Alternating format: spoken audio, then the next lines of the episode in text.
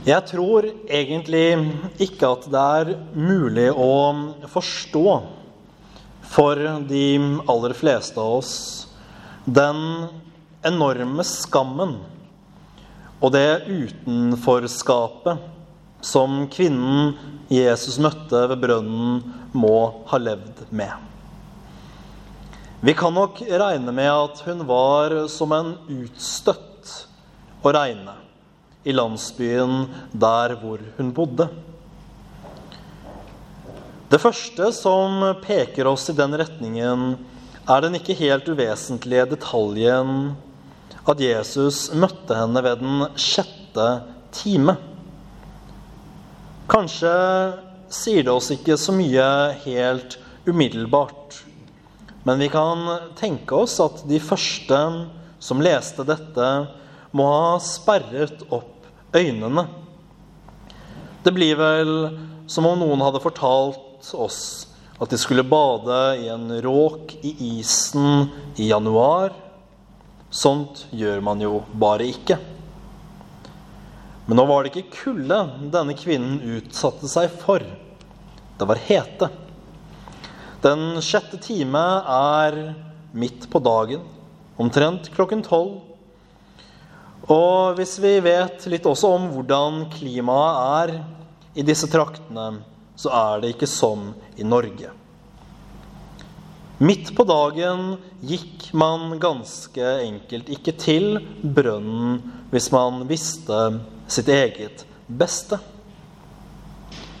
Man gikk tidlig på dagen, når solen ennå knapt hadde stått opp, eller sent på kvelden når skyggene hadde lagt seg. Kanskje var hun her for å unngå de andre kvinnene, de som snakket og sendte onde blikk. Og Det er kanskje ikke så rart, for det som kommer fram i samtalen med Jesus, er at dette er en som har sine svin på skogen. Vi må vel kunne si at dette er en kvinne som har forlatt og forkastet ekteskapet til fordel for å leve løssluppent.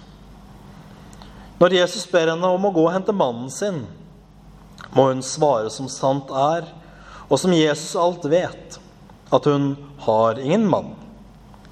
Hun trenger ikke fortelle mer, for Jesus vet allerede.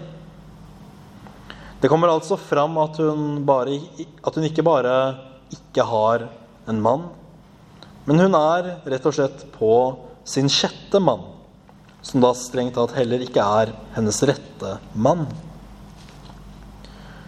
Og jeg må innrømme at jeg tror jeg har blitt litt nummen av å leve i det samfunnet vi er en del av. Og jeg er kanskje ikke den eneste. Dette burde fått oss til å sperre opp øynene. Seks partnere. Det er ganske mange. På den tiden så var det graverende. I våre dager vil vel de færreste heve øyenbrynene av noe sånt. For mange er det kanskje til og med lavt. Men hvis vi ser og vet at det bud som Gud har gitt oss, er at ekteskapet skal være for én mann og én kvinne, ja, da er seks stykker en god del. Kanskje kan vi ta oss i å riste på hodet over denne synderinnen. Hvordan kunne hun la det gå så langt? Men hva med oss selv? Er vi noe særlig bedre? Nei, naturligvis ikke. I våre hjerter bor også den samme ondskap som bor hos henne. Og oftere enn vi er klar over, så blir synd unnfanget og født av vår skrøpelighet. Men hvordan forholder vi oss når det skjer? Forsøker vi å skjule det? Det er ganske vanlig. Ser vi på andres synder og trøster oss med at de er i alle fall verre enn oss. Jeg tror det er en fattig trøst. Eller går vi til ham som med sin seierrike død og oppstandelse har vunnet for oss full tilgivelse for alle våre synder? Det er nok det siste som er det beste. Men vi er nok i mye som kvinnen der ved brønnen. Jeg tror ikke hun var videre interessert i å fortelle Jesus hvor ille det faktisk sto til. Men det visste Jesus, og når hun holder det skjult for ham, som ingenting kan skjules fra, så blir hun til slutt konfrontert med det.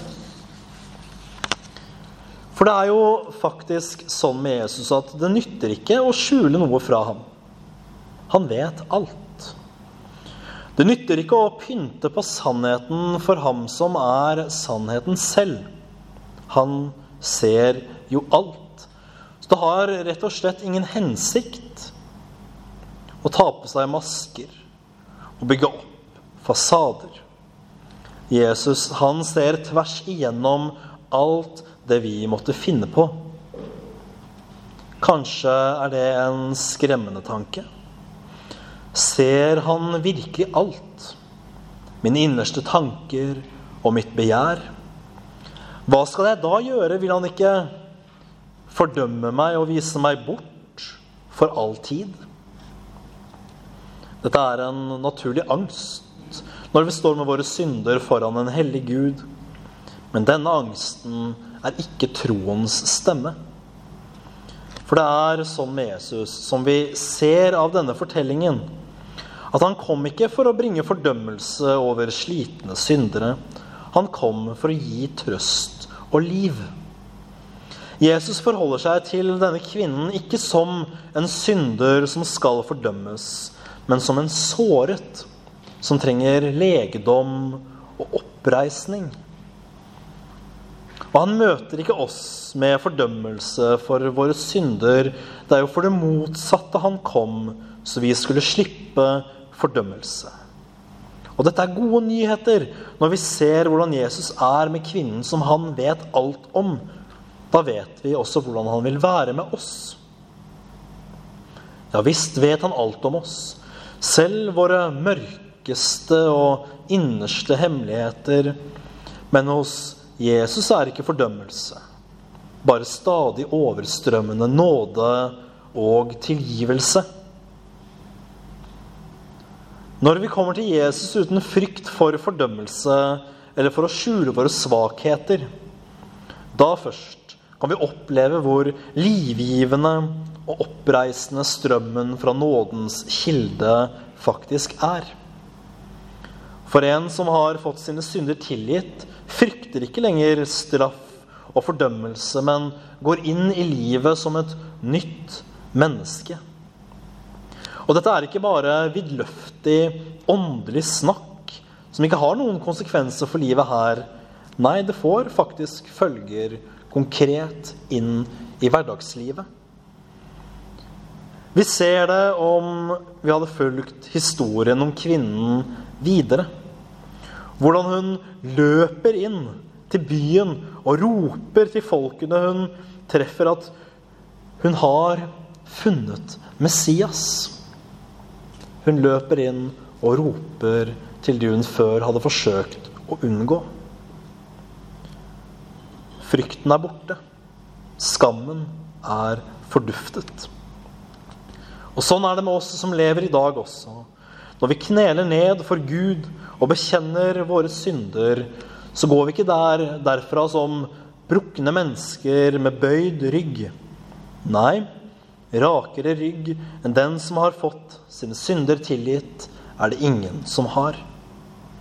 Denne tilgivelsen gir Jesus oss. Og aldri, aldri vil det bli slutt på strømmen av nåde fra Herrens egne kilder. Ære være Faderen og Sønnen og Den hellige ånd, som var, er og blir en sann Gud fra evighet og til evighet. Amen.